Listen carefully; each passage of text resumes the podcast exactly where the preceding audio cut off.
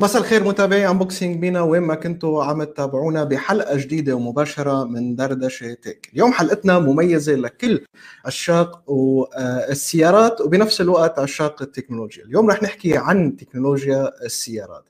بهالمناسبة ضيفنا اليوم هو خبير بالاثنين مع بعض، ضيفنا اليوم بلش ولعه بالسيارات من وقت كان صغير.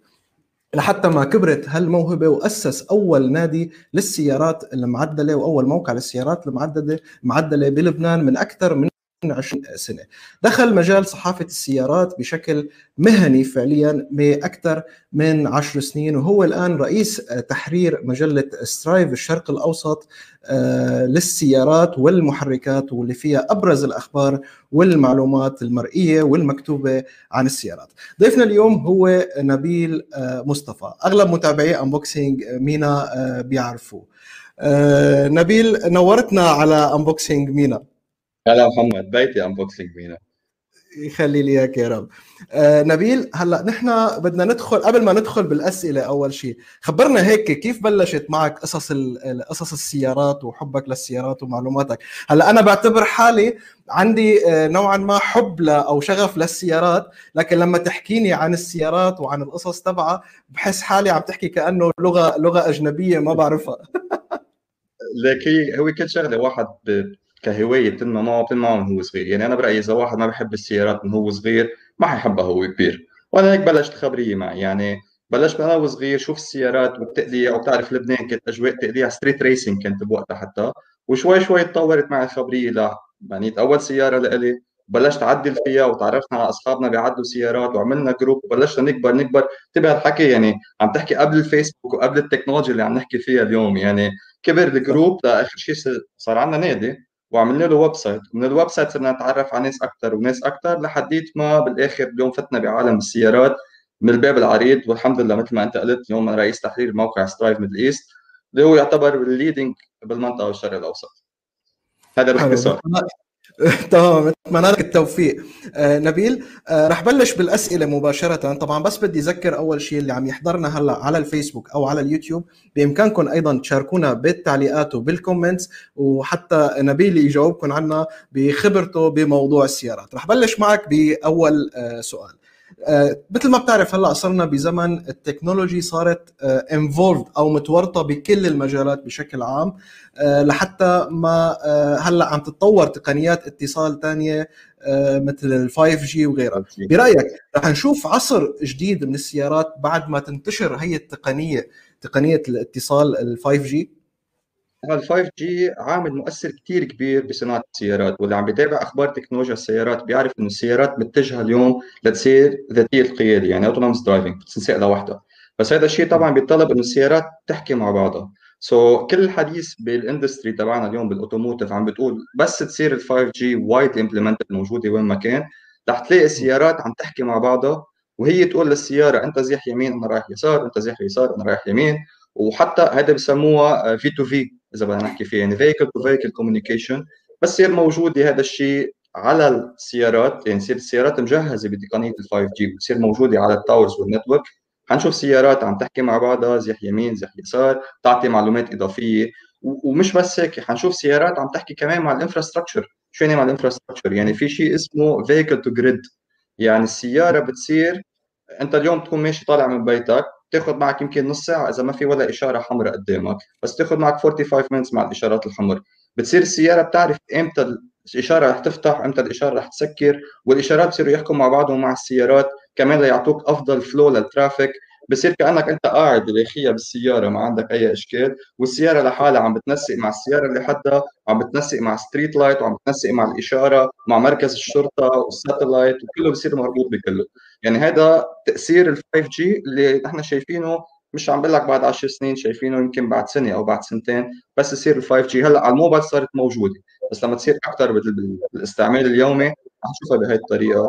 وحتى أنا بتخيل رايحين أكثر من هيك هلأ موسع فيها أكثر السيارات الكهربائية كمان مع ال connectivity على ال 5G بتصير تعرف السيارة أنت أي ساعة بتنام أي ساعة بتقوم. بتركز كيف هلأ ال iPhone بتحطه بيقول لك أنا بخلص تشريج الساعة 2 الصبح. لأنه بيعرف إنه أنت الساعة 2 الصبح رح تاخذ موبايلك وتستعمله. نفس الشيء حنصير نشوفه هي كمان على سيارات الكهرباء نفس الطريقة. حلو. هلا هذا الشيء فقط على سيارات الكهرباء ولا أيضا على السيارات التقليدية اللي بتكون مربوطة بتكنولوجيا مثلا معينة آه، على ال 5G على شبكة الاتصالات الجيل الخامس اللي هلا عم تصير؟ ال 5G تكنولوجيا حتكون موجودة مبدئيا على كل أنواع السيارات. آه، أنت عندك أنواع سيارات اليوم كهرباء وعندك محرك تقليدي وعندك محرك هجين. آه، التوجه الأغلب عالميا هو نحو محركات الهجينه خاصه بالسيارات السريعة. لأنه بعض الناس بتحب هذا الشعور تبع المحركات التقليدية. بس لأنه في limitation على الانبعاثات وغيره مضطرين يغيروا شوي بطريقة تفكيرهم طريقة تصنيع السيارات. بس ال 5G رح تضلها موجوده على السيارات التقليدية مثل ما هي. بنسميها نحن احتراق داخلي إذا بدك نسميها تقليدية لأنه بطل التقليديه اليوم. لما عم تحكي عن سيارة 1000 حصان و2000 حصان. بس محركها احتراق داخلي حيكون موجود عليها تكنولوجيا 5G ونفس الشيء كمان رح تكون موجوده على الكهرباء وعلى الهجينة وبس يصير في قيادة ذاتية. طبعا مدعومة من 5G كمان رح نلاقي إن هالتكنولوجيا موجودة على السيارات القياده الذاتيه حلو. طيب قبل ما قبل ما أسألك على الفروقات ما بين ثلاث أنواع السيارات اللي هلأ صارت موجودة هي الهجينة والكهربائية والتقليدية بدي آه، أسألك عم نشوف هلأ بالسيارات اللي عم اللي عم تطلع في آه، آه، تطوير التكنولوجيا بهي السيارات صار من أهم أساسيات المنافسة بين الصانعين. يعني عم نشوف حتى بدعايات السيارات اللي عم تطلع جديد عم نشوف التركيز على ال technology اللي موجودة آه، بقلب السيارة غير إنه قبل كانت على موضوع ال comfort والرياحة والرفاهية اللي موجودة بالسيارة صار التركيز حتى بموضوع رعايات على ال technology اللي موجودة. هل بالفعل بات تطوير التقنية من أهم أساسيات المنافسة بين آه، بين الصانعين؟ اليوم تقنية السيارات بس لنشرحها كمان للناس اللي عم تحضرنا هي مش بس مرتبطة بال infotainment system أو النظام الترفيهي اللي موجود قلب السياره هي كمان مرتبطة بأنظمة الأمان تبع السيارة وبأنظمة الراحة وحتى بأنظمة توفير بالوقود ومنظومة كثير كبيرة. وكل ما انت تطور بالتكنولوجيا اللي موجودة بالسياره يعني أنا حاعطيك هيك مثل كثير بسيط تسهل العملية. اليوم انت إذا بدك تعمل upgrade لل software تبع سيارتك مثل ما بينعمل صيانة عادية بينعمل upgrade لل software كمان. صارت السياره كلها control by 1 unit اسمه ECU يعني هي الوحدة المركزية إذا بدنا نسميها بالمحرك. هي اللي بتقول له إمتى يحط بنزين وإمتى يحط هواء يعني بتقنيات الميكانيك. هاي اذا انت بدك اليوم تعمل لها upgrade أو تظبطها أو اي خلل فيها بده تظبيط مضطر انت تروح عند ال service center أو عند الوكيل تيصلح لك اياه ويعمل لك upgrade هلا اليوم السيارات صارت on the fly يعني انت وقاعد ببيتك بتروق upgrade تكبس كبسة accept صار ال upgrade موجود بالسيارة. هذا الشيء بيعطيك competitive حتى بعالم السيارات. بعد ما حكيت أنا infotainment واتصالات و satellite و5 G بعدنا عم بحكي باساسيات آه، راحه الزبون اللي شاري السيارة. يعني هالقد صار في منافسه موجودة. وطبعا بعدين بتفوت بأمور مثل الربط مع Apple CarPlay مثلا مع مع إذا عم نحكي مع iPhones أو Android Auto وربطها بغير مجموعة. قبل كانت MirrorLink يعني بس بتحط الشاشة قدامك. اليوم بتستعمل التليفون كله بقلب السيارة. بكرة على القياده الذاتيه بتصير تفتح قدامك شاشة كبيرة وعم تحكي عن virtual reality وعم تحكي عن augmented reality يعني الموضوع كثير كثير كبير. طبعا سبق التكنولوجيا هو أساسي واصلا عم نشوف تسلا اليوم عم بتحارب إنه هي الأقوى تكنولوجيا.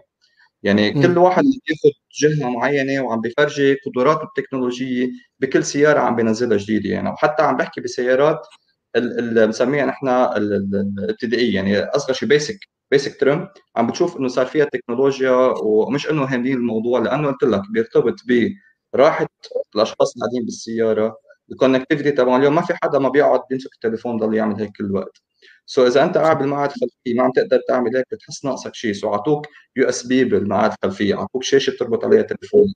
يعني السبق اللي موجود بعالم السيارات بالتكنولوجيا مثله مثل ال mobiles مثله مثل ال laptops كله عم بيتسابق على أحسن كاميرا كله عم بيت... كاميرات موجودة بقوة اليوم. لما تفتح أنت الريفرس أو تفتح الكاميرا تشوف 360 و 360 فيك تلونها و 360 فيك تشوفها من فوق ومن تحت وتبرمها بإيدك. يعني السبق وهو حسب مهمه السيارات بعد التكنولوجيا كثير بتأثر. تكنولوجيا السيارات بكل اذا بدك منظوماتها الترفيهية والميكانيكية والراحة والأمان كلها بتفوت ضمن هالسباق اللي عم بينعمل آه، بعالم السيارات. طيب آه، سؤال. هلأ كأنه نحن عم نشوف آه، بالسيارات بشكل عام السيارات الكهربائية هي أكثر السيارات اللي عم تكون فيها تكنولوجيا فعليا. يعني مثلا بهيدي الصورة هي سيارة البورشا اللي تعتبر آه، منافسة. طبعا أنا أنا متذكر منك ببعض الصور على فكرة اللي بتتصورها مع السيارات. ف فدائما لما بتابعك على ال social media بقول ما بدي أعمل له like لأنه هيدي السيارة أنا بحبها. ما بدي. فبتلاقيني لحالي عملت لك like بدون ما أحس يعني. وفي يعني عندك يعني... عندك إيه. الإيترون هيدي آه بتوقع هولي هي السيارات الكهربائية اللي هلأ هن يعتبروا منافسين لتسلا. شو اللي بيميزهم عن آه عن غيرهم بالنسبة لموضوع التكنولوجيا؟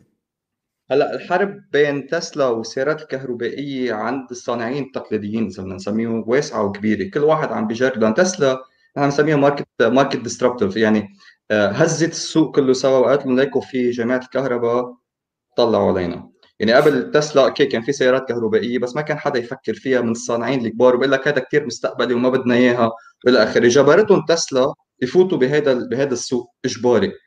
هلأ الفرق بين تسلا وتايكون هذا موضوع نحكي فيه لبكرة لأنه في محبين هون ومحبين هون. بس اللي بدي أقوله بالأساس إنه تسلا بالنسبة لخبراء السيارات تعتبر آه، تكنولوجيا مبنية على إطارات مش العكس. بينما بورشا مثل تايكن اللي كنا عم نشوف سيارتها هلأ هي سيارة بنحط فيها تكنولوجيا السيارات. يعني المدرسة مختلفة إذا بدنا نحطها بهالإطار.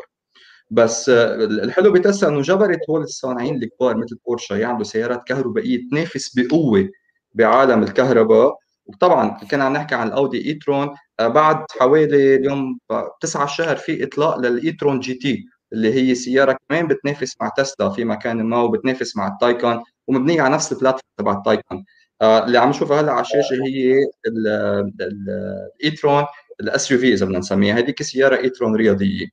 هيدي آخر إصدارات اودي اودي عندها آه تفكير ثاني بموضوع السيارات خاصة الكهربائيه أنت دائما عم بتشوف سيارات كهربائية تصميمها جاي من الفضاء كأنه السيارة. كثير futuristic كثير مستقبلية. اودي قالت لك لا أنا ما بدي أعمل سيارة فضائية بدي أعطيك سيارة مثل السيارة اودي اللي أنت معود عليها بس محرك كهربائي. كل واحد عنده فلسفته كل واحد عم بفوت ب area معينة ليعطي الناس اللي عم اللي بتحب سياراته طابع كهربائي. حلو. طيب هلا في عنا آه، سؤال من المتابعين هلا عن من اليوتيوب آه، اللي عم يحضرنا على اليوتيوب سامي عزام. آه، عم يقول أول سؤال إنه كم برأيك شركة تسلا متفوقة على الشركات المنافسة بالنسبة للتقنيات والسعر؟ الحقيقة تسلا منافسة على جميع الأصعدة بس ال depends كيف أنت بتطلع عليها. يعني اليوم إذا بدي أحكي عن التايكان التايكان إذا بتطلع على ارقامها عم بحكي أنا هون محركات وقوة و pure بحت قوة. تطلع على ارقامها بتلاقي إنه تسلا ارقامها أحسن من التايكان بس حطهم بوش بعض على الطريق وخليهم يعملوا سبق. بتلاقي إنه التايكان سبقت. السبب إنه طبعا جماعة بورشا جايين من background سيارات جايين من background حلبات سباق. مش بس تكنولوجيه في كمان نظام تعليق وغيره وغيره وغيره. بس الفرق بين هلا. إيه. الفرق بين تايكان والتسلا في فرق بالسعر كثير كبير. بقى كان رد بورشا يعني هي بورشا شو عملت؟ قالت لنا جماعة خلصتوا لعب بالكهرباء هاي تايكون آه وحدة ما حدا يقرب علي.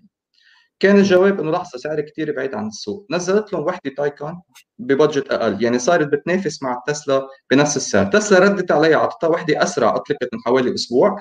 أسرع ب 1000 حصان السيارة بس كمان سعرها أعلى. يعني هذه الحرب المنافسة بين السعر وبين التكنولوجيا دائمة. أنت اليوم فيك تنزل بسيارة تكنولوجيا متوسطة سعر مقبول تنزل أو تنزل بسيارة تكنولوجيا عالية وسعر أعلى.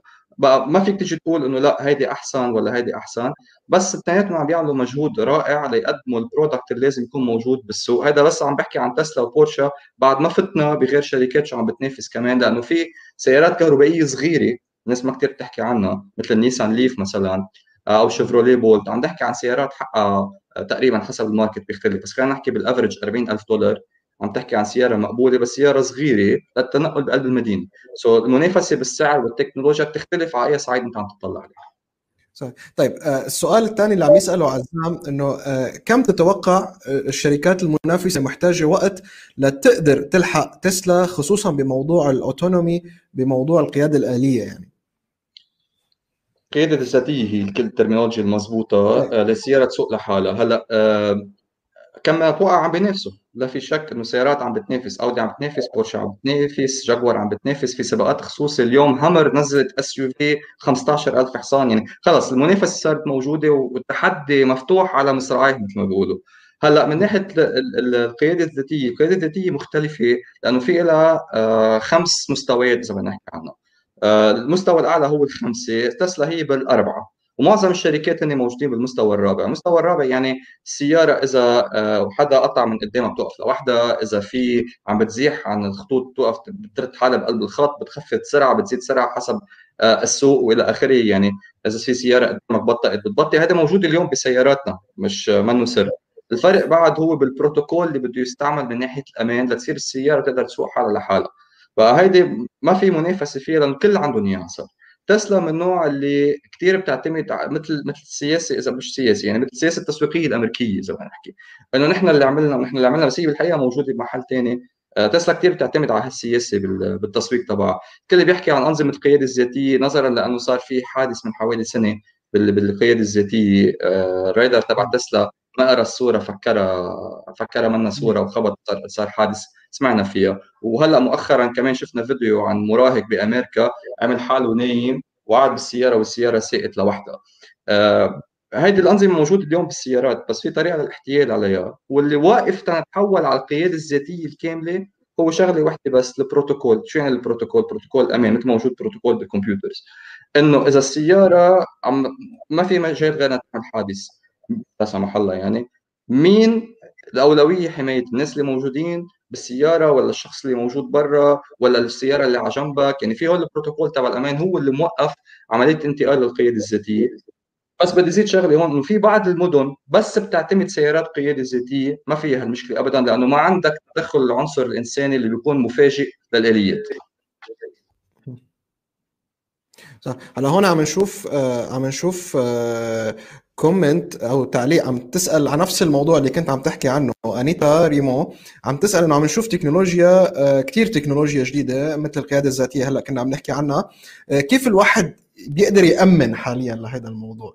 في حال كان عنده قدرة إنه يشتري سيارة ذاتية القيادة وكيف الواحد قادر بالفعل يأمن بالفعل إنه يطلع على الطريق. أحيانا لما تطلع أنت مع driver حقيقي إذا كنت عم تاخذ اوبر أو أي شيء فبتضل إيدك على قلبك إذا طلع شوي حسيته إنه مسرع شوي أو هيك.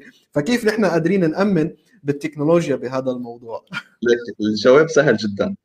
آه، الصبيه اللي سألت أو الشاب اللي سأل بيطلع أكيد بيطير من بلد لبلد وبيطلع بالطيارة. الطياره الحقيقة ال role تبع ال pilot بس إذا صار مشكلة. غير هيك هو قاعد ما بيعمل شيء عم بيطلع على الساعات فيه ينام فيه يقوم ما بيعمل شيء حتى ال landing وال take off اللي كان قبل مضطر ال pilot يعمله غير ال flying straight line يعني. بس يوصل على المطار. هلأ بيربط على شبكة المطار اللي قاعد بالبرج هو اللي بينزله هو اللي بيخليه يطلع. يعني دور الطيار صار شبه معدوم. إذا بتأمن تطلع بطياره ما بتخيل صعب عليك تأمن تطلع بسيارة. بس نحن بعد ما وصلنا لمرحلة إنه نقول خلص فينا نطلع بسيارة آمنة آه، ذاتية القيادة بدون أي مشاكل لأنه بالطيارة ما حيقطع ولد من قدامك راكب ورا الطابة ما حيقطع باص school عم بوقف ما حيطلع تاكسي عم بيطلع حدا لأنه بالطيارة أنت مرتاح. آه، بس بالسيارات هذا الشيء موجود. بالتالي بعد ما وصلنا لمرحلة نقدر نقول إنه خلص اليوم آمن 100% تطلع ب آه، سيارة كاملة ذاتية القيادة بس واصلين لها ومنا بعيدة يعني بخلال خمس ل 10 سنين اللي جايين. حلو. آه عجبني جوابك وتشبيه القيادة الذاتية بموضوع الطيارة صراحة. آه سؤال هلأ عم يسألنا يا آه أحد المتابعين عم يقول شو بالنسبة لأمن السيارات من ناحية الاختراق؟ أنت عندك background بال technology و already عارف عندك background بال search engine optimizations وهيدي القصص فأكيد عندك المعلومات الكافية لهالموضوع. الأشخاص ال involved مع السيارات الحديثة وال technology اللي فيها. اختراق السيارة هلأ بسيارتك اللي واقفة تحت البيت أنا فيي انزل اسرق لك إياها بكل بساطة. كل اللي علي أعمله إذا أنت عم تفتح بال remote control القط ال signal اللي عم تطلع من ال remote control تبعك سيفها عندي أعطيها من جديد على السياره السياره بتفتح بقدر أطلع فيها وسوقها يعني هالقد اليوم عم نحكي بسيارات موجودة اليوم مش عم بحكي بتقنيات مستقبلية ولا عم بحكي على شيء بعد 10 سنين. اليوم الهاكر بكل بساطة بيقدر يأخذ هال signal ويفوت يسرق لك السياره بكل يعني بسهولة تامة. حتى في بعض الأحيان آه، إذا أنت عن بعيد عم تعمل lock للسيارة فيه يعمل block jam لل signal عم بحكي أشياء ال technology اللي نحن كل يوم بنشوفها على Unbox MENA يعني. يعمل block لل signal ويطلع هو بسيارتك ويدورها ويمشي فيها لأنه أنت ما قفلتها أصلا بالمفتاح. ف أكثر طريقة لتحمي حالك بهذا الموضوع ما تبعد كثير أنت عم بتقفل السيارة هي أول شغلة. تأكد إنه قفلت السيارة. بنشوف عليها فيديوهات مرار بتضحك؟ انه واحد عم بيقفل السيارة رجع يبرم بيتأكد رجع يبرم بيتأكد. تأكد إنك قفلت تأكد إنك قفلت السيارة. هي هي أول شغلة. وجرب قد ما كان تكون أنت بمحلات مثلا تحت ال parking عندك أو شيء شايف إنه ما في حدا واقف وفاتح اللابتوب وناطر. يعني أكثر من هيك ما فينا نقول لك. طبعا في أنظمة حماية موجودة خاصة بالسيارات اللي بتبقى فخمة. إنه أنت فيك تطفي السيارة عن بعيد. تعمل call مع call center موجودين هول services بالسيارات الفخمة مثل مرسيدس وبي إم دبليو وغيره. آه، بتوقف السياره محل ما هي أو يعني آه، بتقدر تعمل tracking وين موجود السيارة. فالواحد ما بعرف إذا نحن الحرامية اللي موجودين هلأ حاليا بالعالم العربي عندهم هالتكنولوجيا بس إنه واصلين لهون إذا مش اليوم. هلا في شغلة خطرت على بالي هلا كسؤال.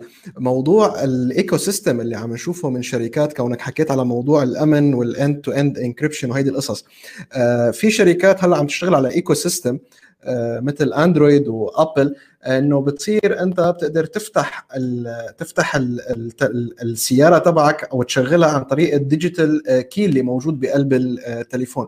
هل هذا بالفعل بيعزز الأمن كما الأمن السيارة كما تدعي الشركات اللي عم تصنع هيدي ال ecosystem اليوم في كثير سيارات مش يعني مش مش شغلة تكنولوجيا جديدة. في كثير سيارات اليوم من قلب ال application فيك تتحكم فيها وتدورها وتطفيها. ما فيك تسوقها لهلأ. بس في بعض الشركات مثلا بي إم دبليو من قلب الموبايل فيك تعمل parking انت بتطلع من السيارة بتسكر الباب تنزل من الموبايل تعمل parking طبعا هذا كله تكنولوجيا متطورة وكله جماعة لما يشتغلوا المهندسين طبعا اخذين عملية الاختراق بعين الاعتبار. يعني مش شيء جديد بالنسبة لهم هلأ منه hackable بلى اليوم حيلا software انت بتعمله. شو ما كان. ان تكون آه، شركة مايكروسوفت عم تعمل Windows is hackable شو تكون انت عم تشتغل على iOS اللي بيعتبروا إنه ما فيك تعمله hack كمان صار hackable so كله كله hackable بس depends قديش هذا الشخص اللي بده يعمل hack مستعد يروح لهذه الدرجة. وهو كمان شغلة كثير بتنطرح إنه طيب بكرة لما السياره تسوق لحالها إذا واحد عامل هاك فيه يعمل لك حادث أو في كذا أكيد لما نوصل لهالمرحلة بتخيل شركات السيارات رح تكون أوجدت نوع من ال firewall ما هين إنك تخترقه آه، وما هين إنك تتحكم بالسيارة مثل ما بدك. طيب هذا الشيء عم ياخذنا على ال comment كمان اللي عم يحكي عنه آه سامي. آه قبل ما انتقل للسؤال اللي بعد آه سامي عم يقول إنه آه بعد كم سنة آه حتكون آه القيادة الذاتية أكثر أمان آه من السائق العادي آه بحسب توقعات تسلا طبعا آه هل تؤيد هذا النوع من النظرية ولا آه لا؟ رح يضل رح يضل في موجود عامل الانساني يعني بالتالي القياده الذاتية ما حتكون آمنة 100% إلا إذا مثل مدن محدده في مدينة موجودة بالسعودية في كمان موجود بالإمارات موجودين بأمريكا وبأوروبا. لما يصير هول المدن بس بتعتمد على القيادة الذاتية ساعتها إيه بقول لك آمنة إنك تستعمل هذا النوع من ال transportation.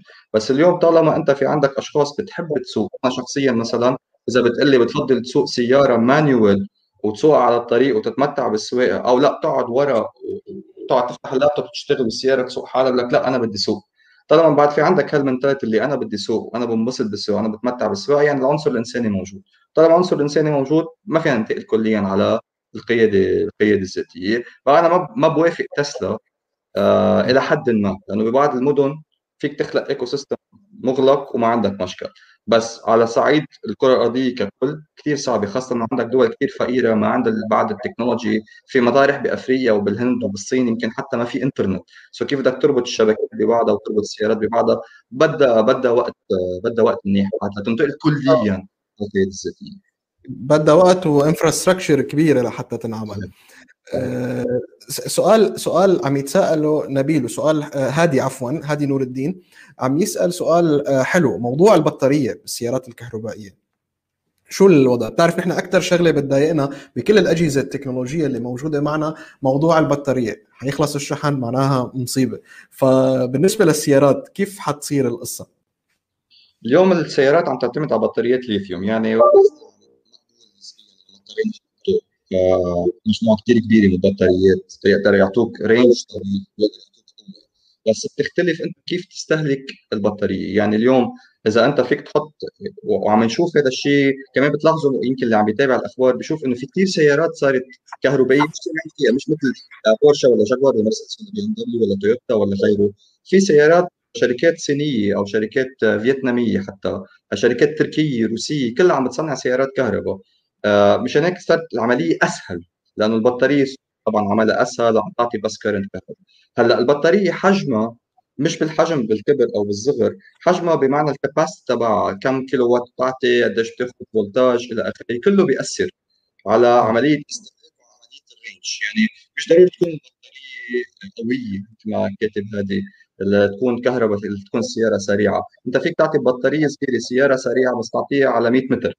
وفيك تجيب بطارية كثير كبيرة وتعطيها range 450 بتكون كثير بطيئه السيارة 450 كيلو مثلا بتكون بطيئه السيارة. يعني استهلاك الكهرباء بالسيارة آه، وحجم البطارية وعملية قديش سرعة تشريجها وقديش سرعة إعطاء القوة فيها بيعتمد على السرعة اللي بدك تروح عليها وبيعتمد كمان على ال range اللي بدك تروح عليه.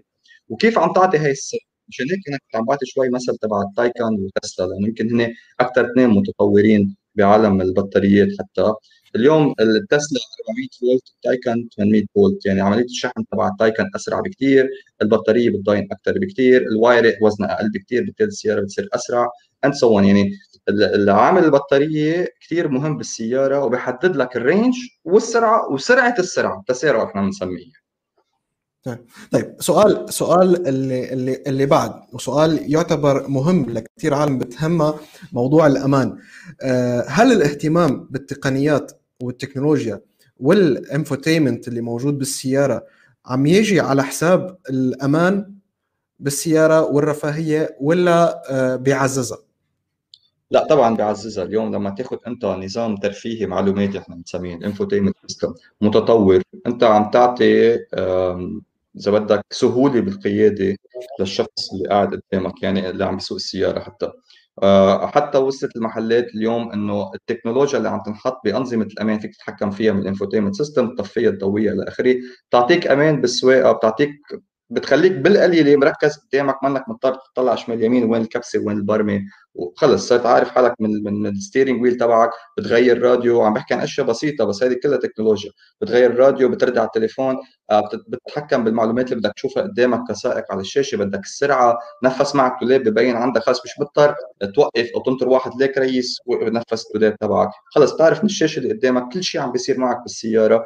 هذه كلها جزء من التكنولوجيا. التكنولوجيا راحت أبعد من هيك كمان كنا عم نحكي عن الراحة. اليوم نظام التعليق أو ال suspension system طبعا في ارتفاعات وانخفاضات السياره بتوطى بتعلى إذا بتطلع فيها off-road بتوطيها إذا بدك تروح فيها سرعة ان بس التكنولوجيا بتتدخل في مكان ما تخيل لوين؟ إنه بتعرف إنه أنت نازل من السيارة بتوطي لك السيارة أو أنت فايت على السيارة بتوطي لك السيارة تفوت مرتاح أو أنت عم تحط اغراض بالصندوق بتلاقي وط الصندوق بتحط اغراض فيها. كله هذا عملية تسهيل آه وراحة. للشخص اللي عم بيستعمل اللي عم بيستعمل السياره لحالها بتعرف إنك طلعت off-road بتعلي لك إياها. لحالها بتعرف انه أنت عم بتسابق بتوطي لك إياها. يعني التكنولوجيا اليوم عم تتدخل بكل شيء له علاقة بالسيارة بالراحة وبالترفيه. وشو ما بدك حط. في حدا من المتابعين كمان مؤيد لوجهة نظرك بالموضوع. عم يقول كل ما تطورت التكنولوجيا كل ما عم توفر على الإنسان كثير أشياء. هيدي هادية حطت ال comment. أنا أنا بزيد علي.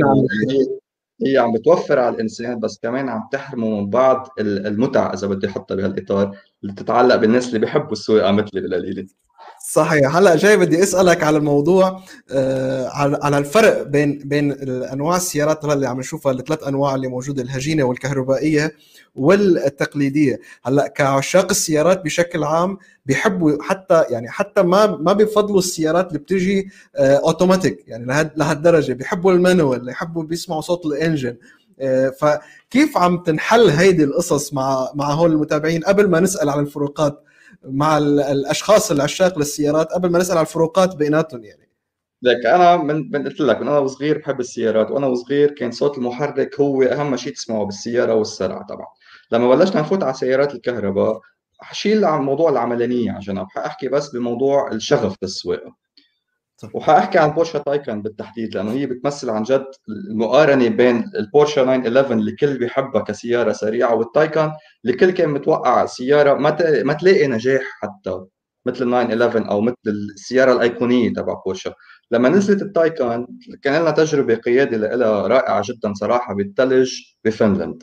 توقعنا إنه ما حنحب السيارة لأنه ما فيها صوت ما بتعطيك ال acceleration اللي انت بدك اياه. وكان عندك مجموعة كثير كبيرة من علامات الاستفهام على موضوع البورشه تايكان. لحديت ما طلعت وراها وسقتها أول دقيقة أنت دورت السيارة عم تطلع براسك عم بتقول وين صوت المحرك.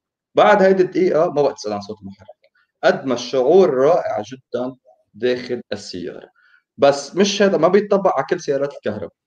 بالتالي بتلاقي توجه هلأ في عندنا معلومات سريه ما فينا نحكي عنها بس يجي وقت إن شاء الله نرجع نحكي عنها. بس التوجه الرئيسي للشركات المطورة للسيارات ال supercars يعني عم تتوجه للناس اللي بتحب السواقة العنيفة إذا بدنا نحطها بهذا الاتجاه آه عم تتوجه لتعطيهم محرك هجين. بالتالي بتعتمد محرك صغير احتراق داخلي مع توربو مثلا بالتالي ال emissions تبعوله أقل يسمح فيها بالقيادة بلندن أو بباريس لما تتحول هالمدن لخالي من انبعاثات كليا. ويعني كيف بتصير يعني هيك شرحوا لنا إياها. أنت بتطلع على ال highway بتسوق سيارة سريعة جدا مع الصوت اللي أنت بتحبه وبتوصل على حدود المدينة بتطفي محرك الكهرباء بتشغل بتطفي محرك الاحتراق الداخلي بتشغل الكهرباء وبتكزدر بالمدينة ما حدا بيتعاطى معك.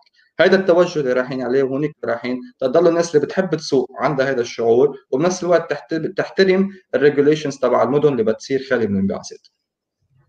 طبعا أول شغلة بس بدي أذكر اللي عم يتابعنا نحن مش عم نشجع إنه آه، يصير في مخالفات بالقيادة أو للسرعة الزايدة. طبعا كل العالم بتحب السرعة وكل العالم هيك لكن نحن آه، آه، ننصح والمتابعين إنه يمارسوا هاي الهواية بالسيارات والمتابعة ضمن حلبات مخصصة بهذا الموضوع حماية لأرواحهم وأرواح العالم اللي حتكون بالطريق. وبتوقع حتى نبيل بيأيدني بهيدا الموضوع يعني. إيدك أكيد أكيد. كعاشق للسرعه والسيارات. نحن نحن بنقول حتى أنا هلا كثير ناس تسالني إنه أنت كيف بتسوق على الطريق؟ أنا بسوق على الطريق يمكن أقل من speed limit أو حتى على ال speed limit ما بطلع بحياتي ما تخطيتها لسبب إنه الحمد لله يعني عندي القدرة إني أطلع سوق على حلبات سبق. وعندي قدرة إني أجرب سيارات بطرقات مغلقة طبعا ضمن فعاليات محددة ما بيكون في حدا على الطريق مسكرين الطريق مخصوص كرمال هال هال هالقيادة هاي السريعة. آه، قيادتي اليومية قيادة أي إنسان عادي يمكن اللي بيشوفني على الحلبة بيشوفني بقيادتي اليومية ما بقول نفس الشخص. بس احترام القانون واجب. آه، حب السيارات وحب السرعة شغف بقلبي من جوا بس لازم ممارسته بالمحل المضبوط صحيح دائما دائما على فكرة الناس اللي اللي بتحب السيارات بالفعل وعندها الوعي الكامل بموضوع السيارات وعشق السيارات آه، بيتصرفوا هذا التصرف وهو التصرف الصحيح إنه بتلاقيهم دائما حتى حتى أبطال الفورمولا آه، وأبطال السباقات السيارات بتلاقيهم عم يلتزموا بالقوانين وبالقيادة داخل المدن حفاظا على روحهم وأرواح آه، غيرهم. قبل ما يعني أنا نرجع أنا بدي اضيف شغله هون بس بهذا الموضوع. يعني أنا صار لي تقريبا بدون ما أكبر حالي أكثر من 25 سنة بسوق. ماني أخذ ضبط سرعة واحد وسايق بكل أنحاء العالم. برافو برافو. هذا شيء شيء شيء حلو بيكبر القلب فيك والله. إن شاء الله إن شاء الله كل كل المتابعين يكونوا آه، بالأخص فترة يعني المرحلة العمرية تبع الشباب اللي بيكونوا دائما عم ياخذوا موضوع السرعة وموضوع هيك بيفهموها بطريقة غلط وعم عم يسببوا بخسارة يعني بتعذيب أهاليهم وخسارة أرواحهم وأرواح آه، غيرهم يعني أهلهم وأهلهم أهل أهل غيرهم اللي موجودين على الطرقات. آه، سؤال صح طلعنا برا موضوع التكنولوجي شوي آه، سؤال عم ينسأل موضوع شو الزمن المتوقع لانتشار هي التقنية أو ما راح نشوفها ابدا تقنية أتوقع موضوع السؤال عن عن القيادة القيادة الذاتية. طبعا جاوبنا على هذا السؤال جاوبتنا على هذا السؤال وقلت لنا على حسب توقعاتك ما حتعود موجودة على حسب الإنفراستراكشر. هلا السؤال يمكن هو عن دول العالم الثالث أنا بس بدي أقول شغلة آه إذا بدي أحكي عن بلادنا بلادنا العربية. الحمد لله في عنا دول ضمن بلادنا العربية عم تتطور بشكل هائل وبشكل سريع وعم بتنافس دول أوروبية وأمريكية وحتى الصين. الصين بعتبرها من الدول المتطورة آه، لخص بالذكر اليوم الأردن من أكثر الدول بالعالم العربي المنتشر فيها سيارات كهرباء. يعني الناس ما كثير بتعرف هالمعلومة بس سيارات الكهرباء أكثر شيء. يعني أكبر سوق لها الأردن والمغرب والإمارات. يعني هول ثلاث دول كثير مهمين بالنسبة لسيارات الكهرباء. اليوم بالإمارات كمان بحكم أنا موجود بالإمارات بعرف في مجموعة هائله شبكة واسعة جدا من عمليات شحن الكهرباء للسيارات الكهربائيه يعني الشحن موجودة بالمولات موجودة على الطرقات موجودة بمحطات البنزين. يعني ما بتعتل هم هذا الموضوع. وكمان إذا بدي أحكي بالمملكة العربية السعودية اليوم المملكة العربية السعودية عم تنشئ مدن خاصة للقيادة الذاتية وكمان في عندك مدن موجودة مثل مصدر بالإمارات كمان عندها آه، آه، مجموعة كثير كبيرة من السيارات الذاتية القياده بتمشي على الكهرباء لأنه هي طبعا الفكرة منها إنه تعمل ecosystem مغلق بهدول المدن. يعني مدننا العربية موجودة. ببعض الدول الأخرى للأسف يعني آه، بعدهم شوي بعاد خاصة في دول متوفر فيها الكهرباء كل الوقت في يعني في مجموعة قصص بس ما بتخيل الموضوع بعيد عن أذهان الكونسيومر وبننطر بس الدول لتفوت بهالسايكل بس ما بتخيل بعيدة موضوع الكهرباء. ذاتية القياده مثل ما قلت بالأساس يعني كثير بعيدة تصير حتى على مستوى الكرة الأرضية ككل في سؤال من هادي أيضا عم يقول لك هو صح بعيد شوي عن الموضوع لكن عم يقول لك أي أي أبواب أحسن؟ نحن بنعرف السيارات صار في لها أكثر من باب آه، أكثر من نوع من أنواع الأبواب اللي بتفتح شيء لفوق شيء لتحت شيء على جنب شيء بيفتحوا مثل آه، الجوانح ف برأيك أي أحسن يعني؟ لك كل وحدة لها ال plus وال minus. أنا شخصيا إذا بتنقي سيارة ال gull wings اللي بتفتح هيك هذا أحلى منظر ممكن تشوفه على سياره آه بس امن أكيد آه موجود على سيارات مثل مرسيدس مرسيدس ما بيمزحوا بموضوع الأمان. آه ال Lambo doors بنسميهم أو ال scissors اللي بيفتحوا مثل اللامبرجيني ال positive side تبعوه انه الباب بيفتح للأعلى بالتالي ما بيفتح لبرا. ما عندك risk إنك تخبط الباب يمين أو يسار. لأنه سيارات السبور عادة أو ال super cars بابها بيكون كثير كبير. فبدك مساحه كثير كبير من اليمين من اليسار لتفتح السيارة. لامبو بيفتحوا لفوق. أستون مارتن بيفتحوا butterfly لقدام. يعني كل وحدة عندها أسلوب بس آه الرولز رويس بيفتحوا بالعكس. suicide doors بنسميهم أو ابواب انتحاريه بالعربي بيفتحوا بالعكس. آه ما في شيء اسمه هيك آمن وهيك مش آمن. كله آمن. آه عملية اقتصادية بحت آه تصميمية بحت. طالما وافقت عليها جمعيات السيارات بالعالم يعني انعمل عليها proper أو إذا بدنا نعمل عليها crash test كفاية لتكون آمنة للاستعمال اليومي طبعا في سيارات كمان تصدر بدول مثلا مثل الصين يمكن ما بينعمل عليها proper testing لل crash بس بيكون عندها أبواب بتفتح بطريقة مختلفة. آه، المهم إنه تكون approved وآمنة وبتخيل ولا ولا دولة بتحترم حالها بتنزل سيارات غير آمنة على الطريق.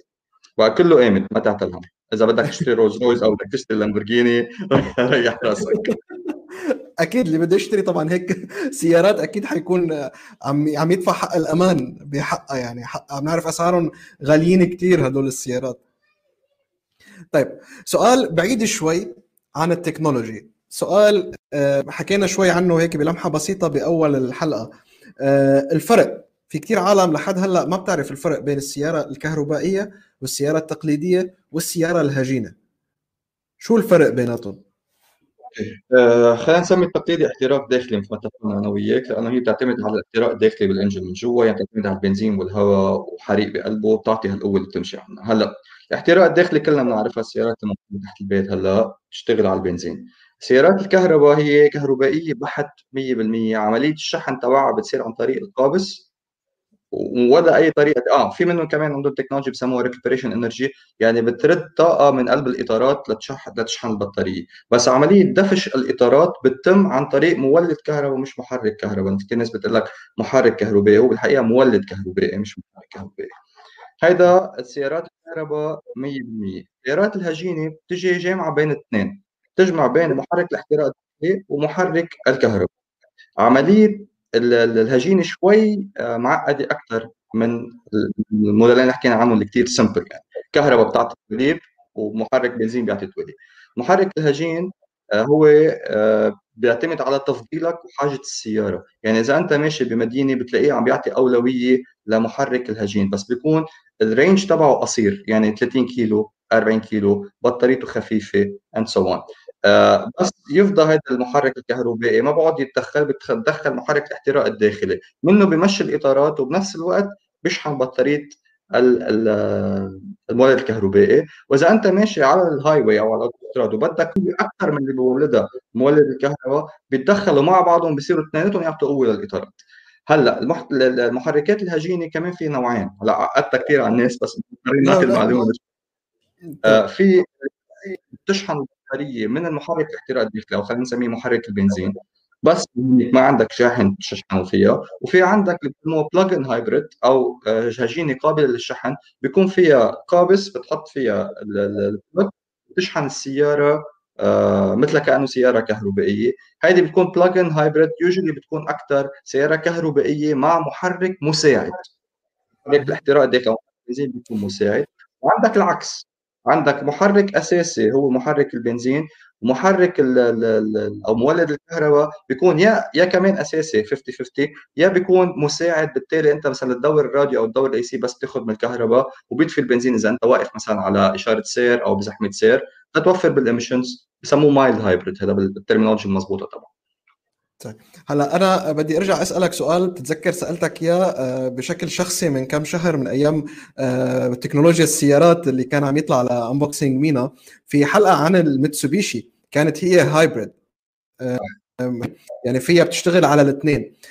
هل أنت تنصح المتابعين هلا اللي بدهم يشتروا سيارة آه، يروحوا لأي اتجاه لأي نوع من هي السيارات. للنوع الأول اللي هو الكهربائي أو للنوع الثاني اللي هو التقليدي أو للنوع الثالث اللي يحتوي أحد الخيارين اللي قلت عنها. ممكن تكون كهربائية بمحرك آه، احتراق داخلي مساعد أو العكس.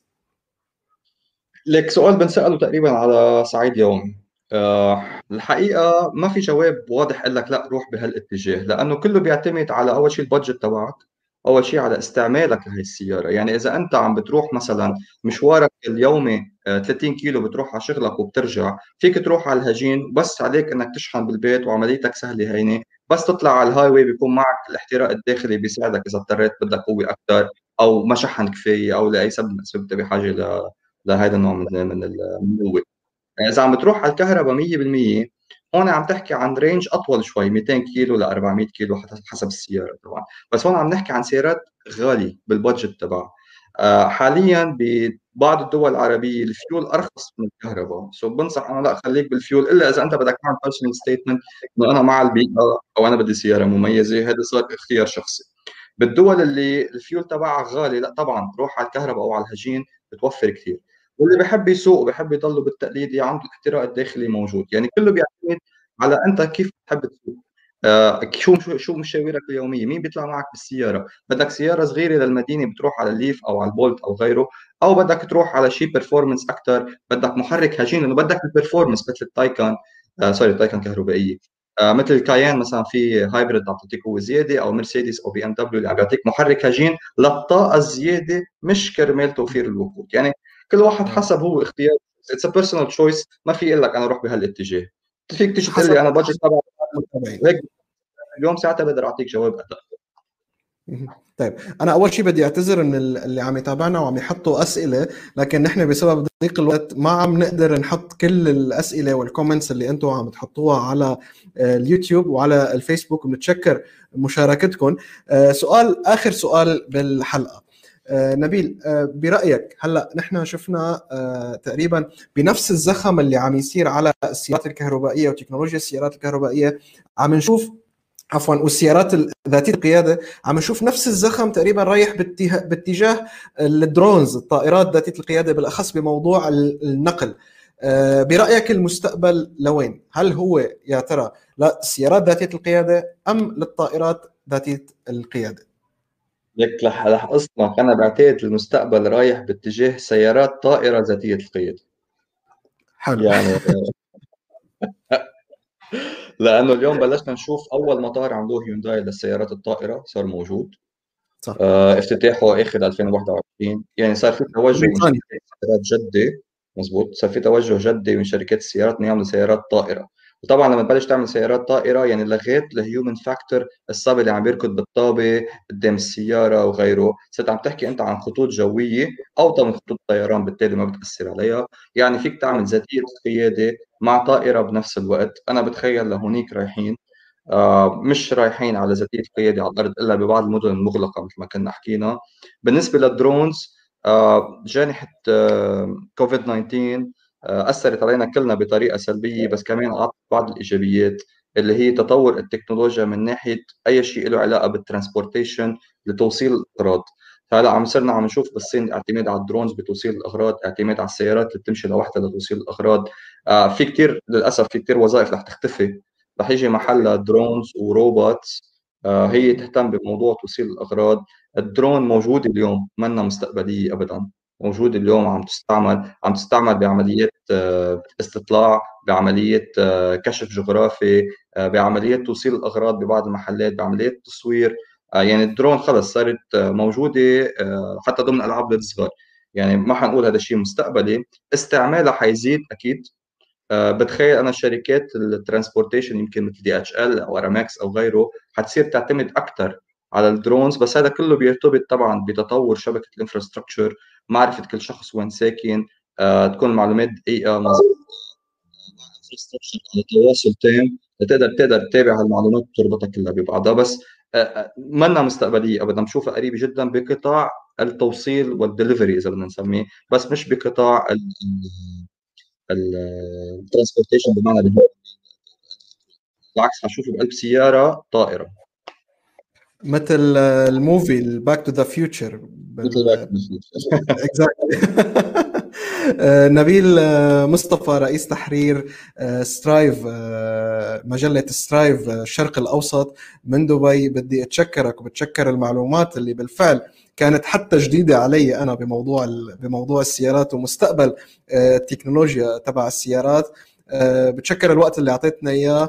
وإن شاء الله هيك بنضل بنشوفك بحلقات قادمة كل ما يطلع شيء جديد بمجال تكنولوجيا آه، السيارات. أكيد. شكرا لك عمر. شكرا شكرا. متابعي انبوكسينج مينا بتشكركم وبتشكر الوقت اللي آه، قضيتوه معنا بتشكر مشاركتكم آه، بهي الحلقة. وشكر أيضا آه، مربوط لضيفنا اليوم نبيل مصطفى بالمعلومات اللي بالفعل كانت قيمة. بشوفكم الأربعاء القادم بحلقة جديدة من دردشة تك دمتم بخير. الله يبعد عنكم كل شر. وما تنسوا تعملوا like و share للفيديو لحتى تشاركوا أصدقائكم ومعارفكم فيه.